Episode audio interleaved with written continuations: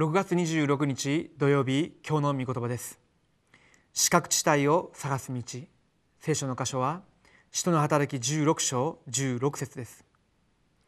私たちが祈り場に行く途中占いの霊に疲れた若い女奴隷に出会った。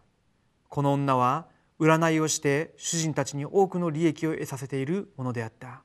今日本の教会と全世界の教会のクリスチャンたちの信仰の生活の水準というのが自分自身の信仰を何とかして維持しようとする。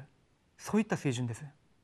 ですけれども自分の周りにいる人たちが今どういう問題の中にいてその人たちに実際に福音を伝えるというだけの余裕がありません。ですので日本のような場合には私たちが一見してみると普通に生活しているように見えますけれども信仰宗教にその答えを求めてさまよっている人たちがどれほど多くいるでしょうか。私は今韓国にいますけれども日本から来る観光客が1か月に大体30万人40万人いるというふうに言われています。そのうち若い女性たちが大多数です。その女性たちが韓国に来ると必ず行くところがあるということです。それが占い師のところです。占い師のところに行って何を見てもらうかというとほとんどが異性との関係。未来のことについてだそうです。異性との関係のためにわざわざ韓国まで来て占いをしなければならないんでしょうか。そういう小さなことすら自分の力で判断することができないし不安だということでしょう。ですので占い師のところに尋ねるわけです。その根底にあるのが何でしょうか。その人の霊的な状態です。霊的に悪魔に所属したものなので悪魔の子供なので結局悪魔のもとに行くようになっています。私たちの周りには視覚地帯が多くあります。その視覚地帯を見ることができる目が開かれるように今日お祈りしながら今日の御言葉を握りたいと思います。では序文を一緒に読みたいと思います。車を運転するときによく見えないところのことを視覚地帯と言います。誰にも見えない部分のことです。聖書を見ると悪霊に疲れたものを自分の指導者と錯覚して悪霊に疲れた者の言葉に従って人生を決めその利益で生きていく人たちが出てきます。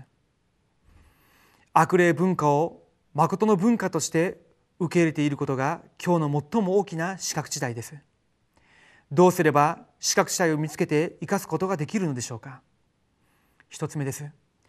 福音を持っている者に神様は資格地帯を示される。神様は福音を持った者に資格地帯を見せてくださいます。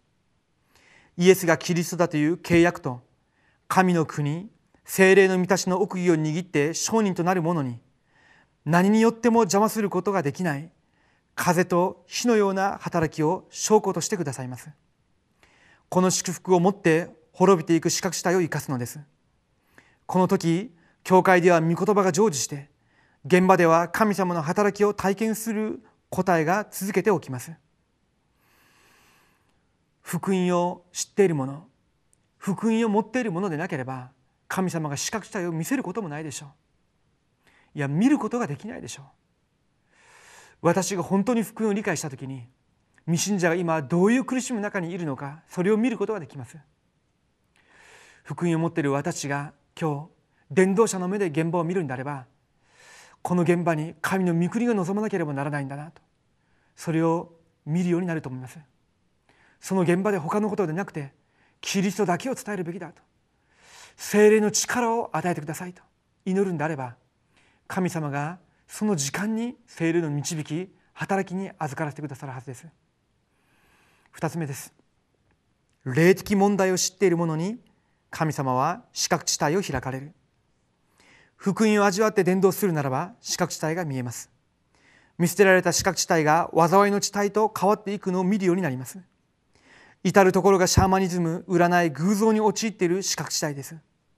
人々はその中でさまよっています。道を見失い行くところがありません。神様は私たちを通して視覚地帯を生かすことを望んでおられます。